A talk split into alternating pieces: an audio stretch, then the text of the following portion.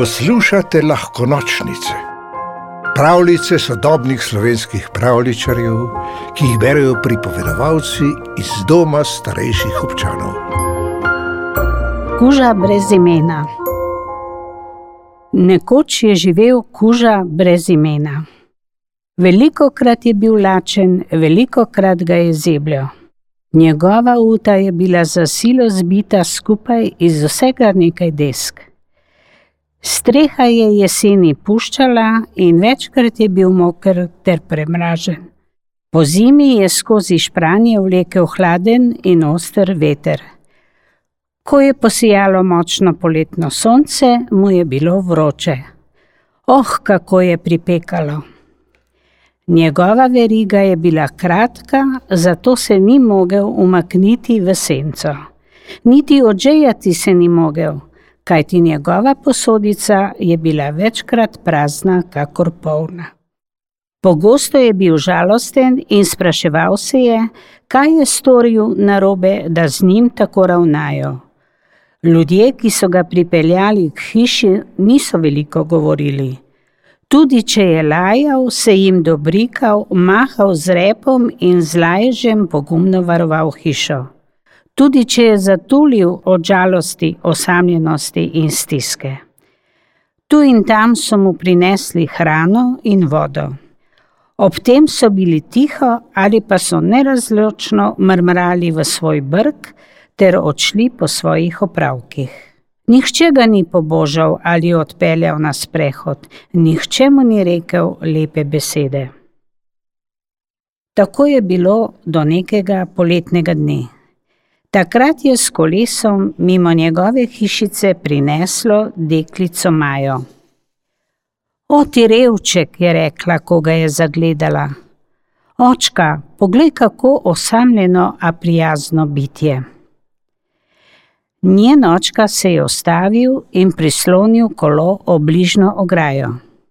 Kuža ju je opazoval z praga svoje hišice in takoj sta mu bila všeč. S tem kuškom ne ravnajo lepo, je dejal. Revček nima vode, lačen je in lepo glej, kje biva. To ni prav. Deklica je kimala in ga gledala žalostnimi očmi. Kaj, če bi ga vzela domov, je predlagala čez čas. Mi bi zagotovo lepše skrbeli za njega. Da bi storili tako. Z mami vedno pravita, da je treba pomagati tistim, ki to potrebujejo, je bila odločna deklica. Ta kuža potrebuje našo pomoč.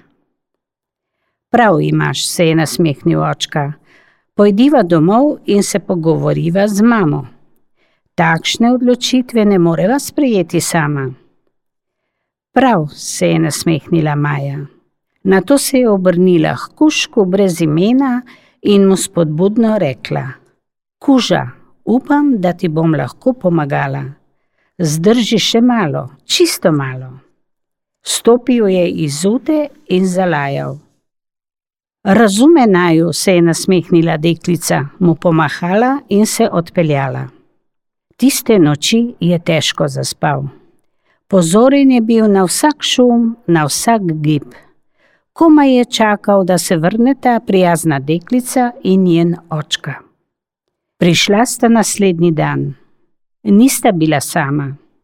Mami, poglej, to je tisti ubogi kuža, ki nas potrebuje, je vzkliknila deklica, ko ga je videla. Srce mu je zaigralo. Družina je potrkala na vrata, kjer so prebivali ljudje, pri katerih je živel. Ti niso rekli veliko. Nekaj časa so bili tiho, na to so nekaj nerazločno mrmljali v svoj brk, ter odšli nazaj v hišo. Družina je na to prišla k kušku, ga odpela z verige in ga spremila v svoj avto. Kuža ima danes ime. Kepica. Biva v prijetnem stanovanju, kjer je po zimi toplo in poleti hladno. Pri Maji in njeni družini ne piha, njegovi skledici za vodo in hrano sta vedno polni, Maja pa ga tudi redno boža in sprehaja.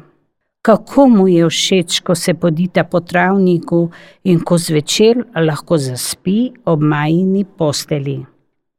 Kepica včasih zalaja preglasno, včasih sredi noči in včasih tudi po nepotrebnem. A tega ne počne zato, ker bi bil lump. Zaveda se, da so mu Maja ter njen očka in mama pomagali. Zelo pomagali.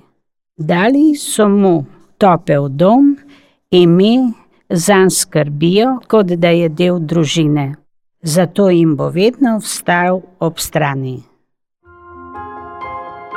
Pravljico napisal Žiga X. Gombač, pripovedovala Mija Krsmanovič. V deželo princesk, zmajev, gozdnih vil in ostalih čarobnih biti ste vabljeni na lahko nočnice, pika si, pa lahko noč.